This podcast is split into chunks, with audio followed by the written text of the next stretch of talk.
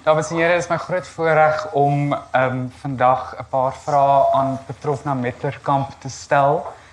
Petrofna doen al jare lank uh, navorsing oor Ingrid Jonker. Ehm um, sy het pas 'n uh, reuse reuse biografie ehm um, oor die digter se lewe voltooi. Soveel so dat die omvang my net absoluut ore aangesit het. So ek as haar uitgewer moet nou vreeslik om verskoning vra. Die boek is nie beskikbaar vir die woordfees nie. Hy is 'n week of twee laat, so ehm um, daar's 'n poskaart op julle stoele net om julle te herinner dat hier 'n baie groot boek is wat op pad wat op pad is. Ehm um, dis ook vreeslik 'n skande want ehm um, Petrofna was vir 17 jaar ook 'n uitgewer. So ehm um, dit is 'n dubbele dis 'n dubbele skande. Ehm um, ek stel u graag voor uh, Petrofna Metlerkamp. Sy is uh, joernalis, uh, was op huisgenoot en insig se redaksies. Ehm um, sy is ook 'n radioomroeper.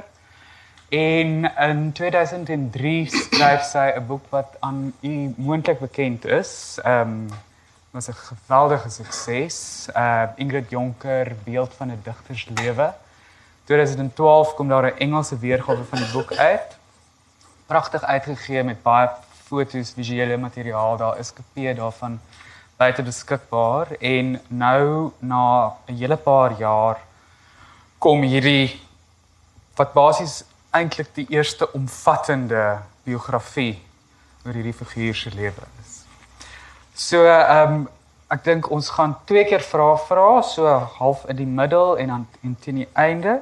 En daar is ook 'n klein insetsel wat ons vir julle gaan speel um van so 3 minute lank heel heel teen die einde. So ek wil dalk met jou begin Petrofna want jy het vir Jonker ontmoet en ek dink dalk moet ons daar Nee, ek wens jy was reg. OK, nou maar waar het hierdie ding met met Jonker en jou begin want jy werk nou al aan 'n mens se lewe vir so lank. Ja, dis nogal 'n mooi storie. Ek het in die Kaap begin werk in 1966 in September. Ek dink dit het vir Woetes en Trent toe geskied. Of as ek ek meen miskien omtrent daai tyd. En ek uh begin werk as 'n joernalis. En ek beland binne in die kring van Ingrid se vriende. Hmm. En veral haar beste vriendin Lena Olofse, saam met wie sy 'n woonstel gedeel het in in uh, Bantry Bay. Heel onder die gaan af af. Die woonstel is op die rotse. Hier is die see bamboes net hierso. En dan sit ons nou met ons sondondertjies soos die son sak. Hmm. En die ander vriende kom wat ook vir Ingrid geken het. Maar ek het dan ek's nou 'n jaar laat, sien. Mm. Okay. En dan praat hulle oor haar. Hulle het mekaar almal genoem sustertjie, suster, sustertjie. Ek word toe die klein sustertjie, mm. 'n bietjie by ver die jongste.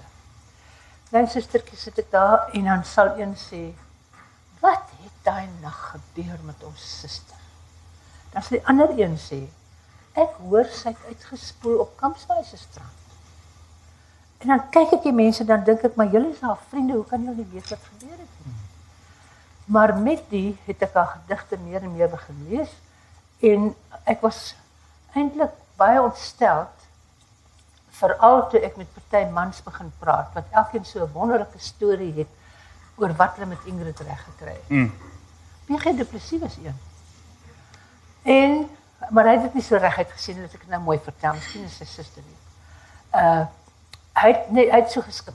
Mm. Maar hy wou graag sê mm. en en alles het nie vir my geruim nie. Toe gaan baie jare verby. Uh en ek sit in my huis in Franshoek so klein kothuis en met 'n met my rooi wyntjie en die TV's aan die kaggel en my boeke. En daar sit TV aan en, en Mandela staan op en hy sê die hele Ingrid gedig. Jo. En ek gryp die telefoon. Ek werk te vir insig. Ekskuus, dit was dit was nou met 1994 toe hy Dis nou die um, volgende episode met my. Ja. En uh, ek bel onmiddellik vir Kas van Rensburg, hy is die boekredakteur en ek sê ek wil uitvind oor die vrou want daar sê nou oor die wêreld. Mm. En ons weet nie van haar ietsie maar ons hou van haar gedigte. En daar het die ding begin. Toe sê ek, toe gelukkig is die redakteur Koos Heeman ken toe uh, Ingrid se suster Anna. En ek sna haar daar het Anna was 'n tamelike karakter. En van haar is ek na is Jan en Marjorie in Onrus. En daar het 'n snaakse ding Jan nou en Marjorie Jan Wallace. en Marjorie Wallace. En hulle sit op hulle stoep en ek kom so aangestap en pragtig ek lyk nie na Ingrid nie. Maar toe ek so aangestap kom, toe sê Jan vir Marjorie, hier kom ons Ingrid. Kan dit glad nie verstaan nie. Hy was so lief vir haar. Maar ek het onmiddellik daar het ek so band met Jan gevoel. Wat 'n lieflike man. En hy het my daai dag al sy foto's gegee. Het ek die ding geklap.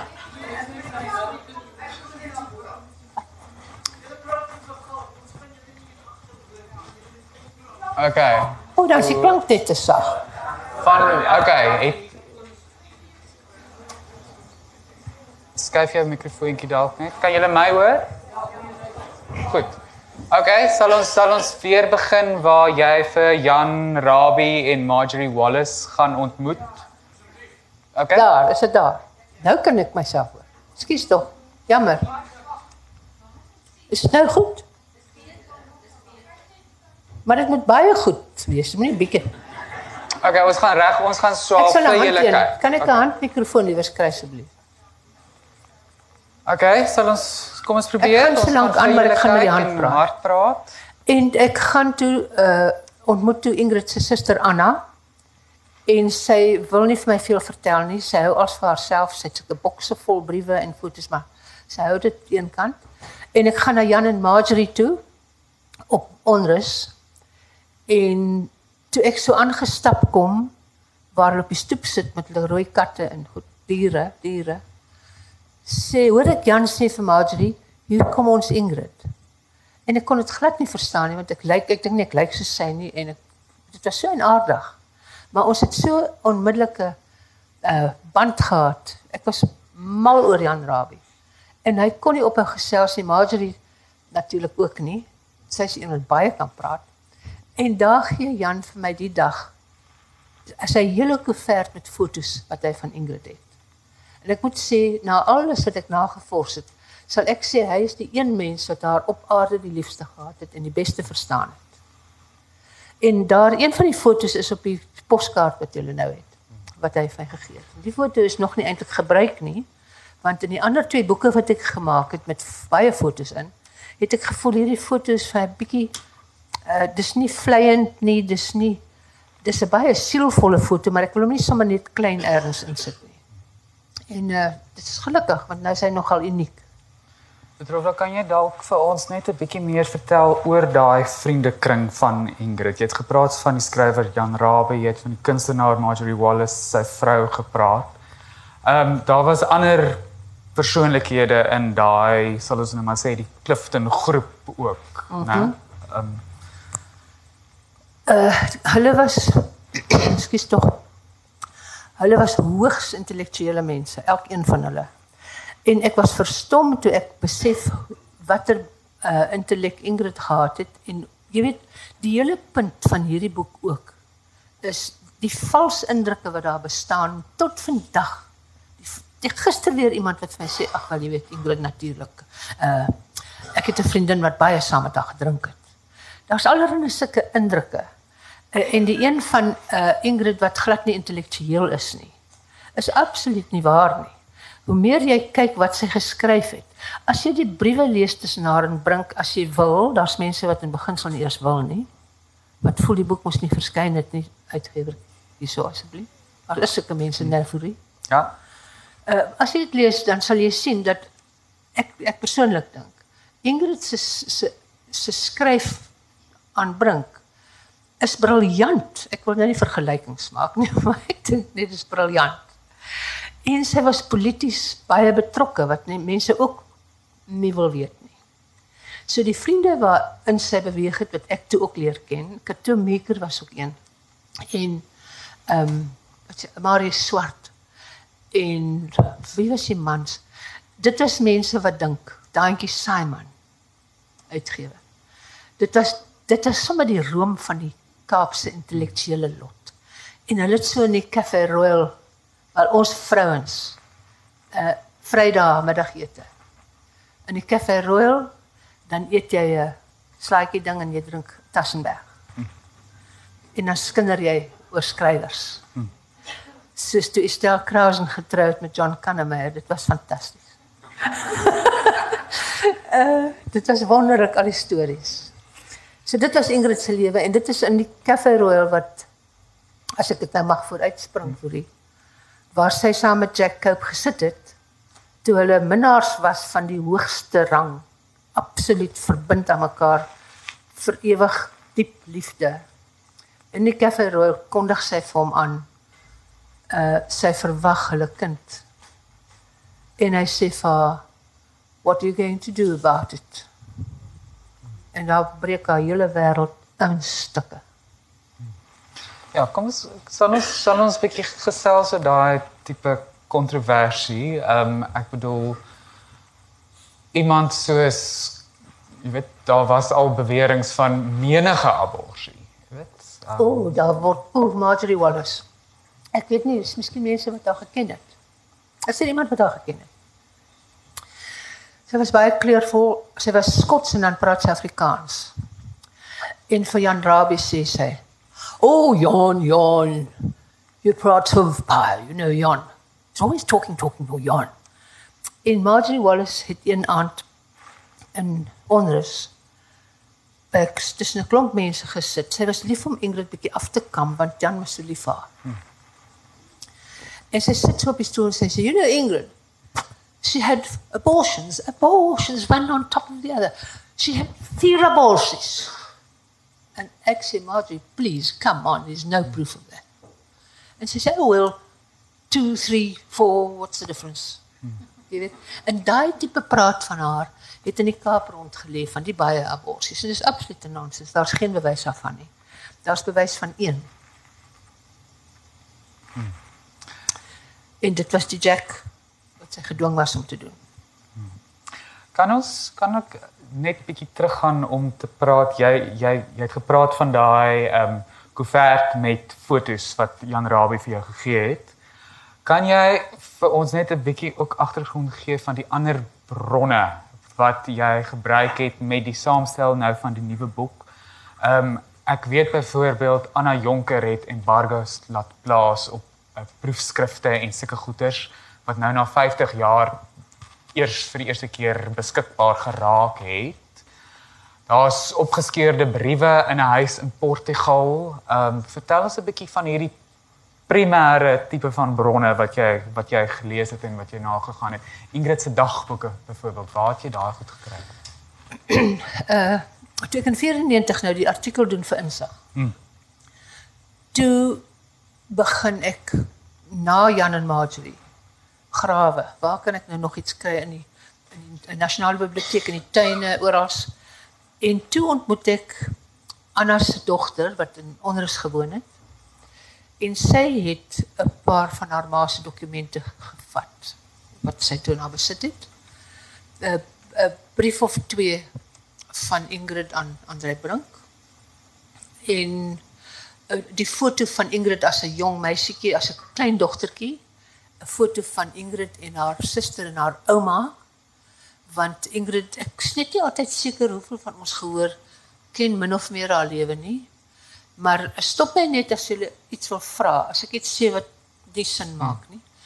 Uh Ingrid en haar suster het saam met haar ouma groot geword in 'n armoede, dis armoedes in die strand, in klein huisies en plekkies waar een na die ander na toe huur.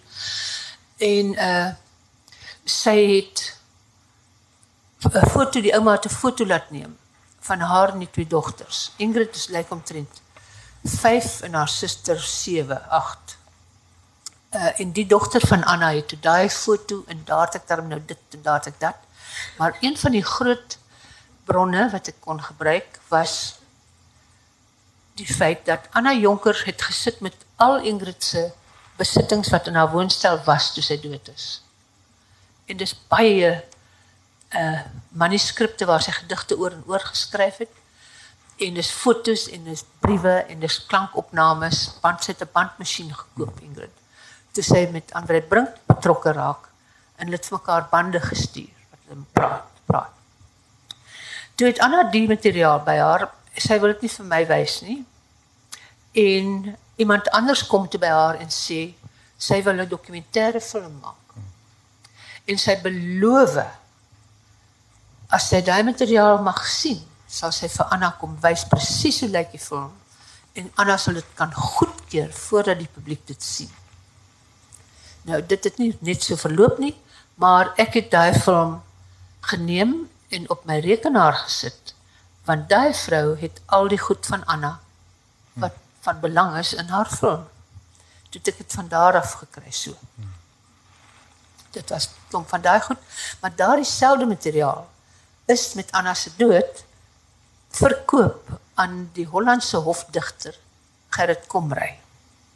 En Gerrit Komrey het 'n paleis van 'n huis in in Portugal waar hy gewoon het vir belastingdoeleindes. En Gerrit Komrey is net hier weg met dis 'n lang storie, maar Anna se seun Anthony Byros het dit verkoop aan die Hollander. Dit was glad nie syne om te verkoop nie. Dit is Ingrid Jonker goede. So jy is die Portugal toe Ek om na die goed te gaan kyk? Toe gaan kyk ek die goed. Maar ek gaan glad nie omdat ek nog 'n boek wil doen nie. Ek het nou klaar my twee Ingrid boeke geskryf, of nie geskryf nie, saamgestel en gedoen. Ek gaan nie weer my oral skryf nie. Ek het met Frans Marx hier gesit net hier om die hoek by die Dros een middag. En ek vertel hom van die skandaal. Dis darm vreeslik om te dink hierdie erfenis van ons met manuskripte en foto's en alles van Ingrid lê nou in Portugal. En ek het onderhandel met Komrey sommer uit die liefde vir die saak. En vir hom gesê, "Jene, kan ons hy goed nie terugkry nie. Dit hoort nie by jou nie." Mm. Toe sê hy natuurlik, maar hy wil sy geld terug hê. En hy het 50000 rand betaal. Frans Marx sê is geen probleem. Ek kry tjoef tjoef kry ek 10 mense om elk, of 5 mense om 11000 rand te gee. Net die sê ek goed, maar dan gaan ek kyk wat daar is. Hmm. En ek kom en ek is op 'n baie goeie voet met Gerrit Komrey in die tyd. En ek kom in Portugal aan net na hy dood is. Maar hy was getroud met Charles. Hmm. En daar's Charles in die paleis van 'n plek. En hy sê vir my hier's die kamer wat al die dokumente bevat is in twee sulke groot koffers. En Charles gaan drink nog wyn. Want dis wat Charles doen. Hmm. En daar sit ek die hele nag en daar lê Ingrid se klein dagboekies. Maar ek gaan mos nou nie weer 'n boek skryf nie. Maar verduidelik vir ons hoe dit goed gelyk het. Jy jy praat die hele tyd van klein dagboekies. So hoe Ja. hoe lyk daai dokumente? Ken jy daai boekies wat jy in 100 jaar gelede gratis by die bank gekry het? Sulke plastiese groen, Ja, so klein. So. Dis hoe dit lyk. wonderlik. Absa, Volkskas. En en weet julle wat? Ek het 'n kwessie oor privaatheid. Ek het drie kinders en hulle dagboeke gehou altyd. En ek het in my lewe nooit ooit gedroom om dit oop te maak nie. Al sien ek die kind vroeg deur goed wat sy my nie wil sê nie. Jy doen dit net. So sit ek in Portugal en daar lê die dagboekies en ek maak hier eens 'n bietjie oop. Want daar's iets wat ek wil weet net vir myself. Ek wil so graag sien of sy net eers sê wat sy medikasie sy geneem het vir haar depressie. As ek net daai pil se naam kan sien. Want ek dink die pille het haar sleg afekteer. So ek het die een so gemaak. Toe staan daar wraggies 'n pil se naam. Gelukkige jy. Maar dit was 'n slaappil. Okay. Dis nie antidepressant. En ek kon dit nie verder doen nie. Ek het nie gevat aan daai goed nie. Ek het nie gekyk nie. Ek kon dit- ek het nie gekyk aan nie. Toe ek al wegry, toe dog ek ek seker maar bietjie dom, maar ek gaan mos nou nooit weer oor haar skryf nie. Hmm. Maar ek ontmoet toe daar vir Ari Pos. Hy's 'n lieflike man wat 'n argivaris tipe letterkundige tipe man is. Hy is daar omdat Charles net sit en kuier op die stoep. Is en hy's nie 'n uh, akademikus nie. Uh Ari Pos woon ook in dieselfde dorpie. En hy is besig om die hele biblioteek van 6000 boeke van Gerrit Komrey te orden. En sy versamelings van skilderye en hy doen nou als daar. En dan gaan hy sommer nou ook die Ingrid goed deur en kyk en wys toe vir my al die boeke, haar persoonlike boeke en met alles wat mense voorin geskryf het boodskappe. Dit het ek gelees natuurlik. Maar ek kom gou agter dat die een groot koffer, die grootste een, Ek gaan deur al daai dokumente om te sien wat dit is want ek moet weet waarvoor gaan mense 50000 rand betaal. En ek is die een wat gaan sê doen dit. Mm. Dis daardie groot koffer feitelik net kantewal aan haar jonker se. O, oh, sy kon beklei. Sy werk vir 'n uitgewer, dis haar werk teen 'n salaris, dan vertaal sy vir hulle 'n boek. Dan word hy voorgeskryf vir skole, dan veg sy sy wil tantieme hê. Verstaan jy? Mm. So daai tas is vol van al haar bekleierery en, en dokumente, dis Anna goed. Hier kom ek by die Ingrid tas. Die helfte van hom bevat kopieë dis kopieë oor en oor van dokumentêre video's wat Christo Gerlag gemaak het vir 'n lieflike dokumentêre film met die titel Verdrinkte hande. Miskien kan mense dit op internet kry, ek is seker nie. So daar's duisend daai kopieë, dit is helfte van die koffer. Die ander helfte is 'n klomp briewe, nie vreeslik baie nie. En foto's, maar al daai materiaal was in die dokumentêre film wat ek al klaar gesien het tot ek klaar my boek gesit het. Ja. So. Is wat daar gebeur. Maar dit is ook is dit daai fliek wat Anna wou stop gesit het. Daar het 'n vreeslike ding gebeur. Die die uh, dokumentêre film word gemaak. En Anna Jonker is nou met my op 'n vriendskap dat sy my baie aande bel, maar ek moet haar terugbel. En dan en sy hou baie daarvan om my te sien en dan moet ons gaan eet. En uh sy bel my op 'n Vrydag omtrent 11:00 die oggend en ek woon in Hermanus in Vermont. sy is verskriklik ontstel. Sy het nou die dokumentêre film gekry in videovorm van die vrou wat die film gemaak het. Sy het dit een keer deurgekyk en dit moet onmiddellik alles gestop word. Die ding mag nie vir die wêreld gewys word nie. Ek het nog al haar woorde neergeskryf. Sy het graag so oorgeslaan in Engels. Slandering father. Mm. En die ding is 'n skandaal en hoe Ingrid uitgebeeld word. En o, oh, dis dit mag nie vertoon word nie en jy moet nou in jou kar klim. En jy moet nou deurry na my toe want ons moet onmiddellike plan maak. Jy moet nou. Toe kan ek nie want ek verwag my kinders vir die naweek wat net so nou en dan kom. Kan nie dit afsit nie. Maar ek sal maandag kom. Daai Anna het voor die televisiestel sit en kyk na die ding seker oor en oor en oor. En die aand het sy dood aan haar aanval. Nou ja, die film is gewys, hy's in die Kaap gewys. Ek weet nie hoekom nie, maar mense het net nie gaan kyk nie. Dit is aardig. Baie min mense het gaan kyk. Spesifiek sensasioneel ook. Dit begin so met 'n vrou wat in die branders lê in die haar. Branders spoel haar. Dit is nie lekker. Ek dink een ding wat my opgeval het, ehm um, toe ek jou manuskrip gelees het, is dat jy ehm um, boek is baie toeganklik en baie dramaties, jy weet dit dit voel asof jy weet hy ruk vir jou reg deur, jy kan nie ophou lees nie. Maar ehm um, jy jy vat 'n redelike wye wye hoek oor die kontroversie, soos byvoorbeeld die aand van haar dood né? Ehm wat, wat wat is 'n wye hoek vir u? Daai eenvoudige ding van sy het in die see ingestap en haarself verdrink. Kry mens nie in daai hoofstuk nie. Jy weet jy Ja, want niemand kan dit sê nie. Presies. So wil jy wil jy 'n bietjie daaroor ja, gesels? Ja. Dis ook 'n aardig. Ek het nou eergister wanneer praat ek met iemand wat jy sal dink dink wat hulle sê, jy weet. Dis sê die vrou vir my. Ek kan verstaan dat Ingrid nie see ingestap het na haarself verdrink het. Toe sê ek vir haar nou, vertel jy my, hoe doen mense dit? Wat dink jy gebeur as jy in die see inloop? Wat dink jy gebeur? Hoe kan jy jouself verdrink? Jy gaan mos aanhou opkom. Jy gaan nie anders kan nie, jy gaan net aanhou opkom. Dis hoekom Virginia Woolf klippe in haar jas se sak gesit het, toe sy in die rivier ingestap het. Om haar onder te hou. Dit het gewerk. Maar hoe het Ingrid dit nou reg gekry? En jy weet maar die vrou leef met daai konsep, soos die meeste mense oor Ingrid hmm. dink. So dis 'n baie onmoontlike saak om te sê sy het nie see ingestap en verdrink. En nou is daar baie teorieë en haar vriende wat so gesit het met die sondondertjies. Sou sê Sy het glad nie in die see geloop nie. Een het geglo sy het af van die trappe by Triankerbaai se strand gestap. Sy was baie baie wat as jy by sien as jy naby kan sien. Hmm.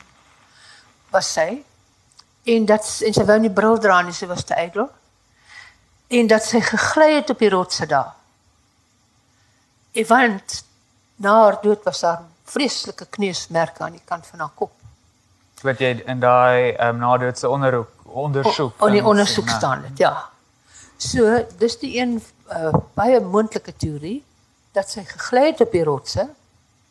Dis half 3 in die oggend of wat. Hmm. En dat sy toe bietjie bewusteloos was of daar dat sy daar eintlik bewusteloos was. Daar was geen stormsee nie. Ooh, daar was berigte in een koerant, ek dink dit was die Sondagkoerant. Hulle het 'n foto geneem van dieselfde baai met die reusagtigste branders. En die opskrif is Ingrid Jonker verdrink in stormsee. Maar dis nonsens want Jan Rabie en Marjorie Wallace het daai nag gery en het gehoor die mishoring wat net daar sit. Marjorie het altyd gesê, "Woe, she was going woe." En het gestop en gesien maar die see is doodstil. Daar's nie mis nie. Kan sien die see lê doodstil. Daar's nie eers 'n brandertjie nie. Dit was nou nie 'n stormsee nie dat sy net daar kon gelê het, die water spoel spoel dat sy so kon verdrink het is 'n moontlikheid. Ek het 'n snaakse teorie wat ek maar sal sê. Want toe haar vind, is haar sweetbakbroek by haar tot by haar knie afgetrek. So ek het gewonder of sy nie daar op die strand haar broek afgetrek het om 'n draai te loop. dat sy so omgetuimel het. Want sy het wel pille geneem. Ja, vertel- Alhoewel hier kom nou 'n ander snaakse ding. Met die, met die doodsondersoek is bevind dat sy net .xx alkohol gehad het wat min is en 0 pille, wat noem mens dit? Mm. In haar bloed, in haar stelsel. Maar daai selfde Sondag van die nag van haar dood, het sy na haar psigiater toe gaan op 'n Sondag en by hom gaan pille haal. Maar Abraham Jonker, haar pa, wat baie besorgd was oor sy beeld as 'n uh, parlementslid, op die oomblik was dit nas- nasionalis, sy was voor die tyd sap en toe nat en toe sap. Maar is nou nat. En hy het dit is 'n feit want dit het Anna ook gesê vir my gesê. Hy het gaan Peter met die verslag van Ingrid se dood. Die offisier wat daarmee gewerk het by die Sepen polisiestasie het gesê dis die moeilikste man. Ek vermoed hy het daar laat dat sy wel pille in haar gehad het. Dis wat ek vermoed. Kan jy 'n bietjie meer praat oor hierdie antidepressante wat sy geneem het? Ehm um, as ek nou reg onthou, kon jy ehm um, 'n apteker, jy het, wat daar navorsing ja. met 'n apteker. Ja. Was dit die apteker? Help my. Ja. Ek het 'n vrou opgespoor, ek kan nie eens onthou hoe nie. Dit is lekker as mens so navorsing doen as jy 'n jagter is. Mens kry mos jagters en landbouers. Tipe mense. En 'n jagter wil goed soek en vind. So ek's mal oor duik vir perlemoen en kreef en soek en vind. Hm. So hoe ek die vrou gevind het, kan ek nie eens onthou nie. Maar sy was 'n apteker in Ingrid se tyd en sy woon nou in Port Elizabeth. En haar naam is Pietro de Pre. En sy kan onthou presies wat die medikasie was en sy het my vertel dat die eerste antidepressante wat in die laat 50s ontwikkel is, was so kru. Onverfynd nog dat dit geweldige neeweffekte kon hê. Maar die mense was nie altyd bewus daarvan nie, die psigiaters het maar voorgeskryf. En die wat ek nou hoor by mense soos Dion Knoubel en mense wat regtig weet, is en ek het ook 'n psigiater kon aanhaal in die boek wat sê daardie medikasie neem jy net onder die strengste toesig. Hoekom? Die een ding is jy mag glad nie sekere kosse inneem nie. Wat Ingrid se stapelkos was. 'n Stukkie kaas, kaas, né? veral kaas, veral Tassenberg, veral Rooiwyn. En of enigiets olierig, marmite, tuna, ehm um, avokado peer. Dinge wat jy nooit sal besef jy moenie doen nie. Nou wat Ingrid gedoen het, sy neem haar medikasie. Niemand kyk ook eintlik hoeveel nie. Dan tro- eet sy die goed vir al die kaas, want haar yskas is dol leeg, soos net skiet kaas. En dan raak sy baie snaaks en jy kan uiters snaaks raak. Jy kan 'n hele persoonlikheidsverandering ondergaan. Jy kan bietjie psigoties raak. Of jy kan papdronk lyk na 'n halwe glasie wyn. Ja. En dis wat met haar gebeur het. En nie net met haar nie, daar's Ameri- eh, as ek net dink aan Valley of the Dolls, wie was daai aktrise? Uh dit het met haar ook gebeur. Dis al die mense van daai era wat hierdie antidepressante geneem het, se reaksie uh wanneer hulle drink of so. So Ingrid het by meer as een geleentheid wat ook op daai strand kon gebeur het die aand, is 'n ander deel van wat ek dink. Of dit saam met die broek aftrek, ja. Klink maar tamelik grof, verskoon my. Uh is dat ehm um, sy het haar bewussyn verloor. Sommige maklik na 'n glas wyn. En sy kon nie veel meer drink as 'n glas wyn ook nie. So die medikasie het vers, het gesorg vir baie slegte publieke beeld. O, oh, daai Ingrid het mos al weer gesien het. Jy weet so. So 'n paar vrae neem. Om te kyk ja, seker, dis weet van ons almal. Koers is. Wil iemand 'n vraag vra?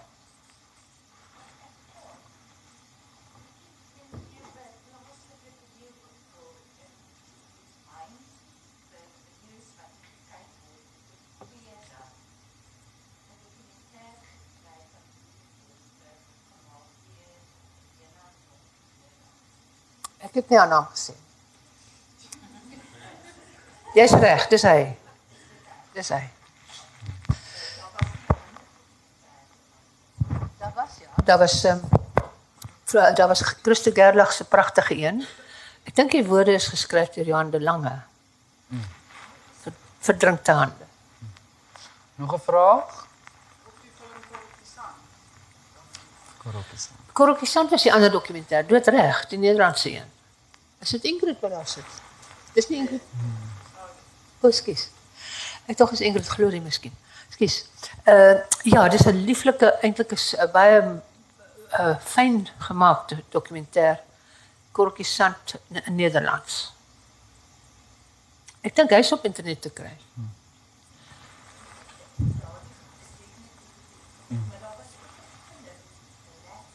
Black butterfly. Ooh.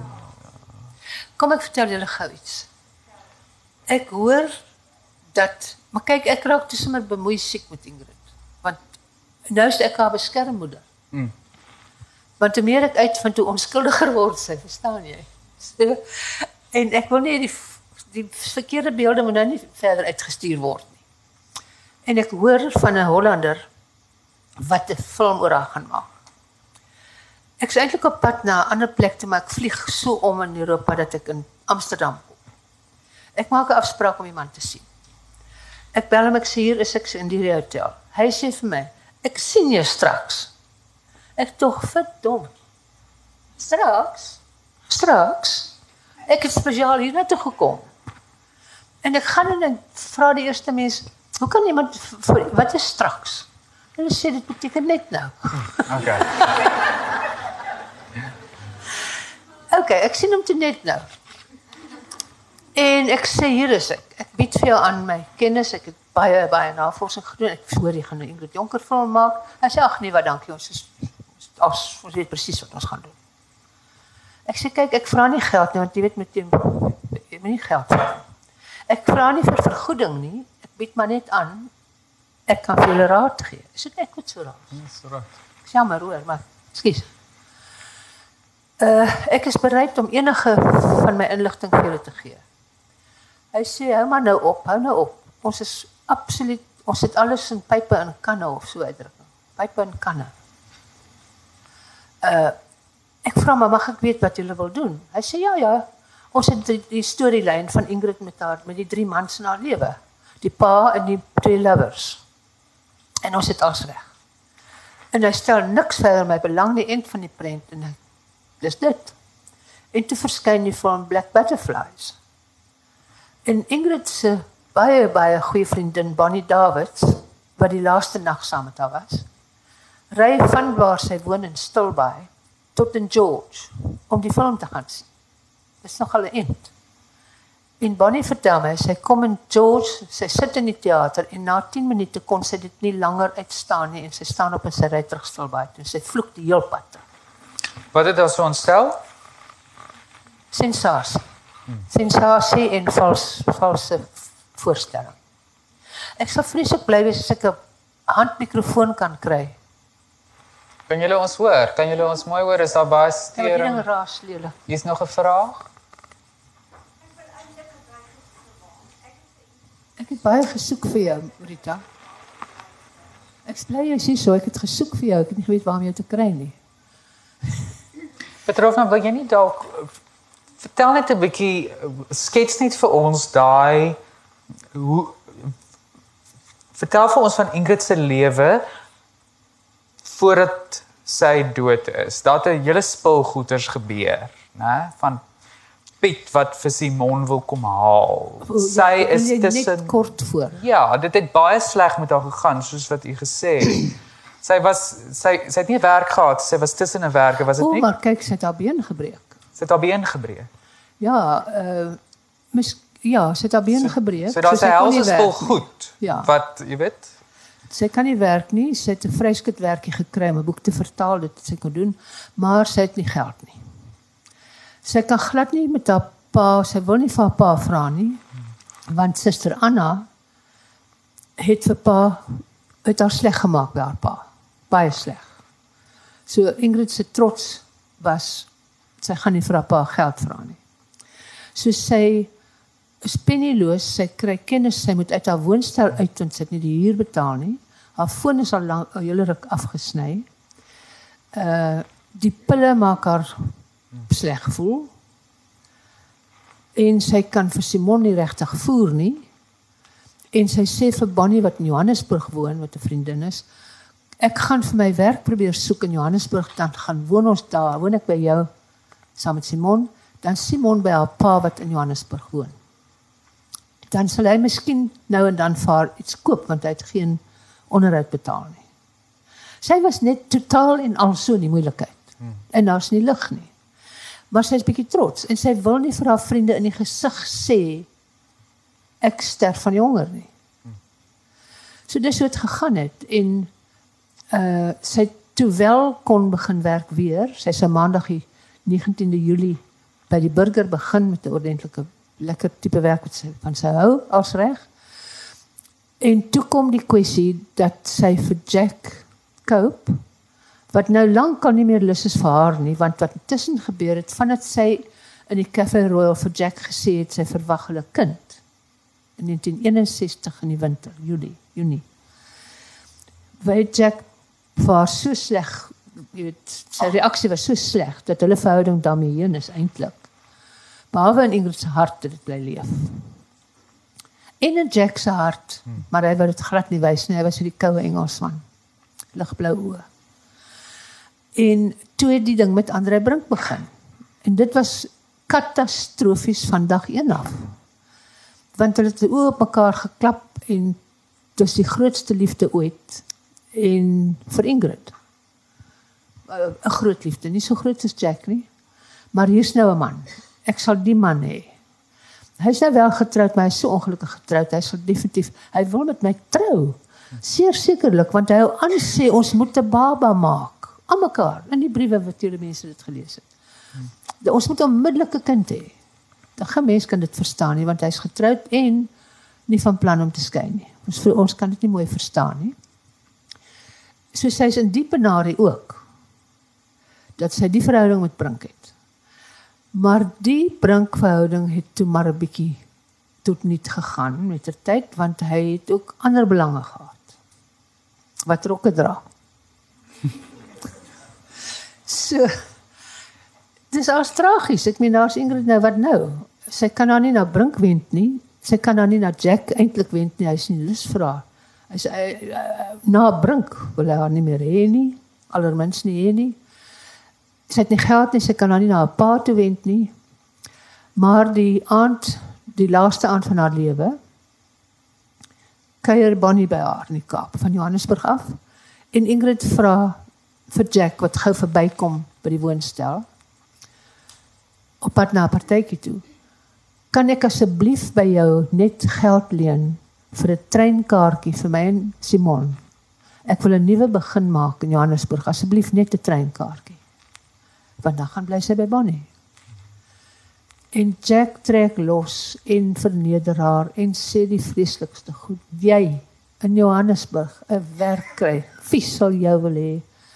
Ensovoorts ensovoorts. Hy breek haar so af dat dit toe nou miskien die laaste strooi was en hy's daar weg en Ingrid sê vir Bonnie vanaand eindig ek alles. So daai woorde het sy aanhou sê. Dwars deur die nag.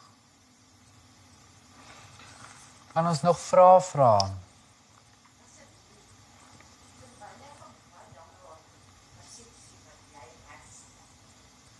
Is dit Trisa wat daar praat?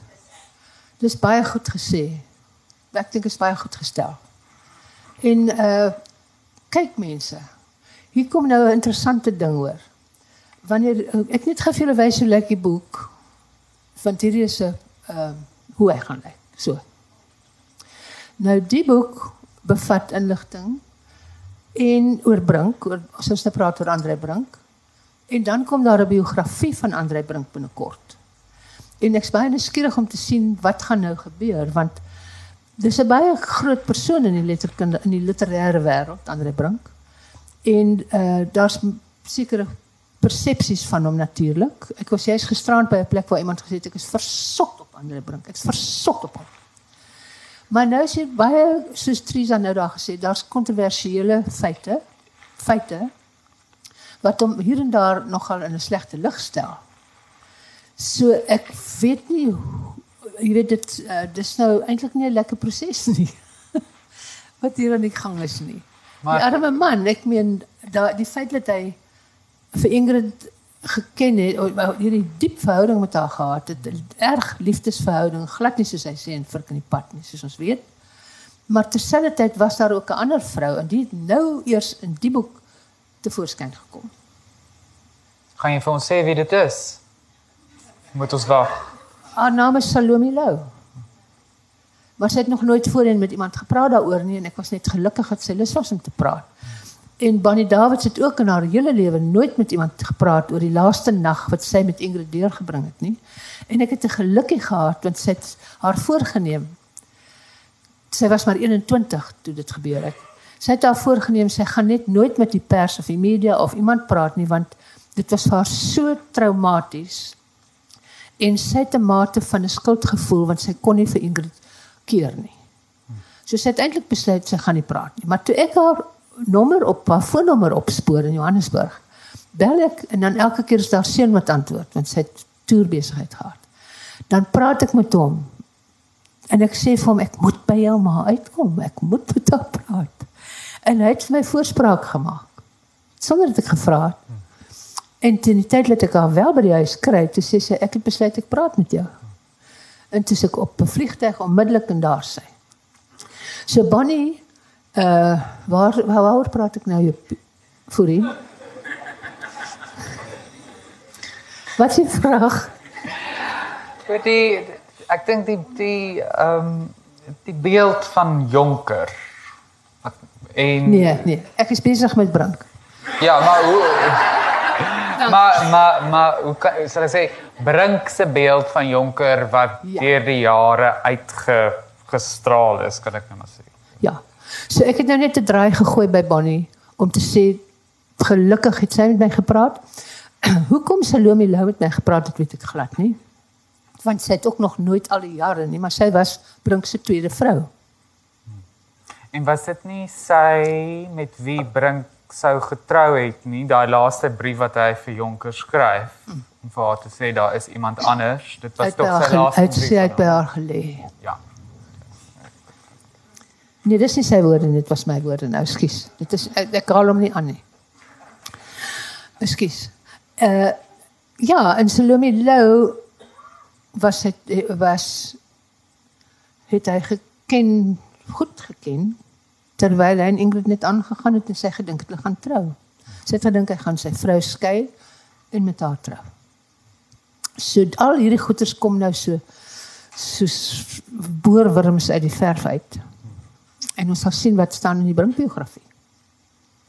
Wil iemand nog 'n laaste vraag vra? Okay, hier's 'n hele paar vir ons die video speel. Hier's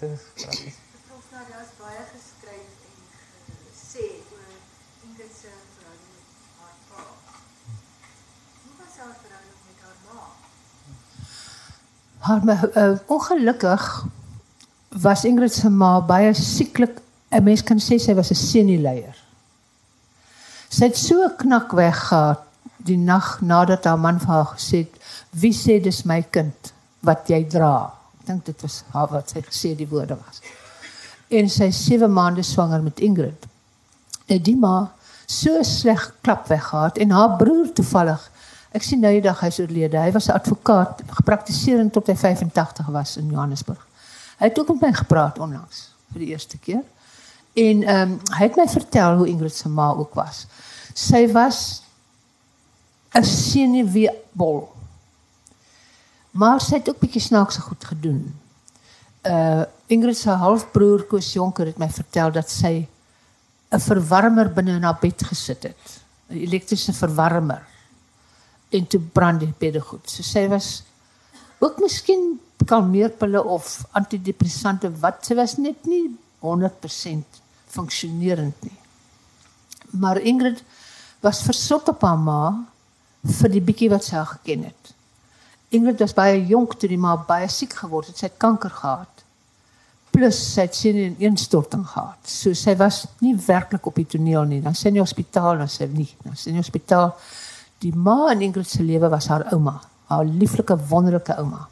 En ek moet net gou sê dat Ingrid se ouma is vir my so 'n lieflike karakter, maar 'n tragiese figuur. Want haar agtergrond is absoluut Afrikaner adel. Sy is 'n soulier van die Parel, dis die topmense. En sy trou met 'n man wat nie kan boer of wil boer nie, wat sy geld verloor. Toe hy dood is, is daar nie 'n penny nie. Hierdie deftige huis, die wonderlike meubels, die messe, goed, alles is weg aan skuldeisers. Sy het niks nie. Ek sien op die foto sy het nie eers tande nie. Sis tog. En het hierdie dogter wat nie baie wel is nie met die twee dogtertjies. So sy is met hulle hier na na die strand toe waar sy 'n agterkamer gehuur het. En sy was Ingrid se ma. nog 'n vraag of twee. Was 'n handie voor.